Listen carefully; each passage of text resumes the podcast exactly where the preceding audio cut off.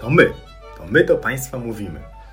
Tomasz Batko. Mateusz Kosiak. My jesteśmy lekarzami, twórcami portalu eduson.pl I postanowiliśmy trochę urozmaicić portal eduson.pl i zamieścić na nim podcasty.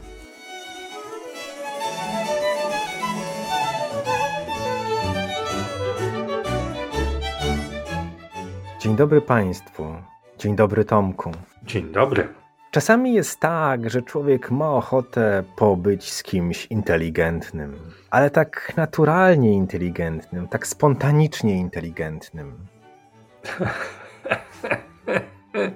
się śmieję, bo już widzę oczyma duszy swej, jak siedzisz wieczorem przed lustrem. Mam nadzieję, że nie to miałeś na myśli, zresztą zbyt dobrze cię znam, żeby sugerować coś takiego to może twoja nieokiełznana podświadomość albo takie psychologiczne przeniesienie to było, ale ja zmierzam do czegoś innego. Zmierzam do tego, że jest taka inteligencja naturalna, spontaniczna, ale też jest inteligencja sztuczna, artificial intelligence. Taka, która jest wbudowana w systemy elektroniczne, na przykład w systemy ultrasonograficzne. I ona rzeczywiście coraz częściej przebija się do świata medycyny, w tym też do świata ultrasonografii. Być może wielu z Państwa już doświadczyło w nowych aparatach ultrasonograficznych, nowych technikach obrazowania, pewnych zalążków albo już całkiem rozbudowanych opcji tak zwanej sztucznej inteligencji, czyli jawi się przed nami możliwość spędzenia czasu w pracy z kimś inteligentnym przed sobą. Można ten czas w pracy spędzać równocześnie z kimś inteligentnym, bo takie opcje, że robiąc badanie, łączysz się z kimś online i ten ktoś online, będąc żywą inteligencją, ogląda i współanalizuje z tobą twoje obrazy, już są. I to my wiemy. Nawet mieliśmy przyjemność testowania takiego systemu. Ale ta sztuczna inteligencja polega na czymś innym. Ona polega na tym, że na przykład mamy zmianę ogniskową w tarczycy albo w sutku. Aparat ma wgrane różne rodzaje zmian patologicznych i analizuje to, co my zobaczyliśmy, z tym, co ma w swojej pamięci. Czy to, co my znaleźliśmy, spełnia kryteria zmiany patologicznej odpowiedniej kategorii TIRAC czy BIRAC.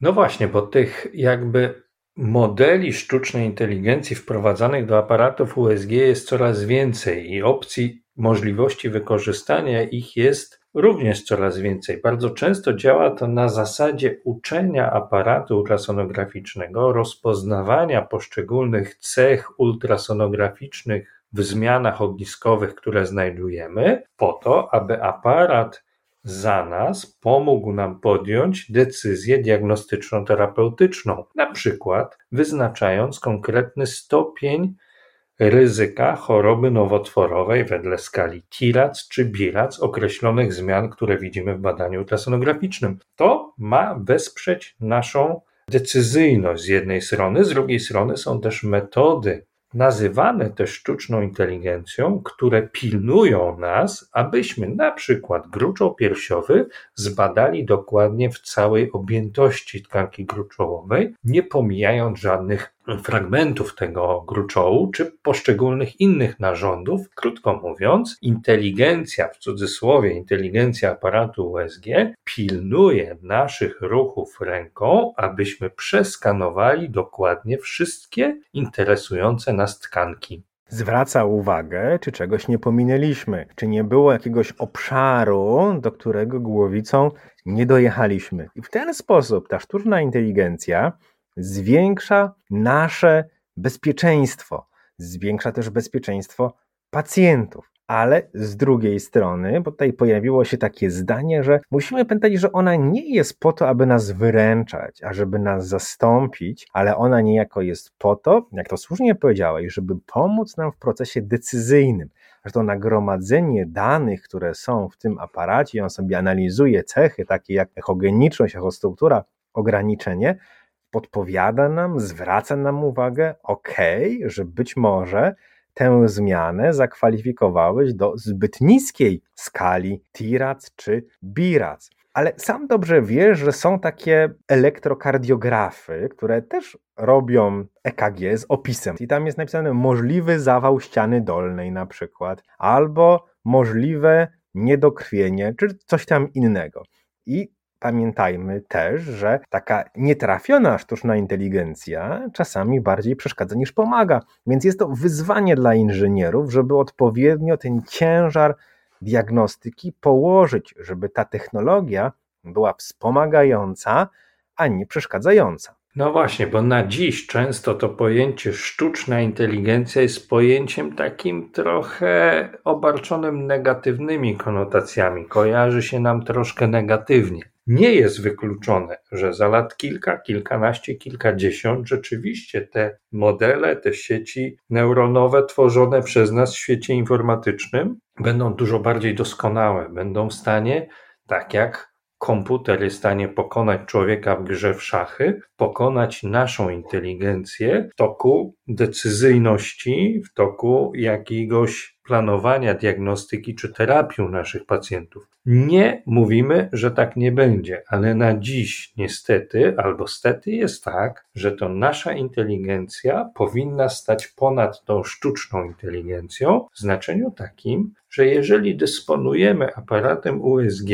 którym są moduły wspierające nasze myślenie diagnostyczne, to my pamiętajmy o tym, że to nasze doświadczenie, nasza wiedza powinna być nadrzędna wobec tego, co widzimy na ekranie aparatu USG, bo to my, a nie aparat, jesteśmy ciągle tą jednostką, która jest w stanie ocenić to, co widzimy w kontekście konkretnej historii naszego pacjenta, objawów, danych klinicznych, danych z badań laboratoryjnych i tego, co jesteśmy w stanie ocenić w takim toku myślenia ogólnomedycznym.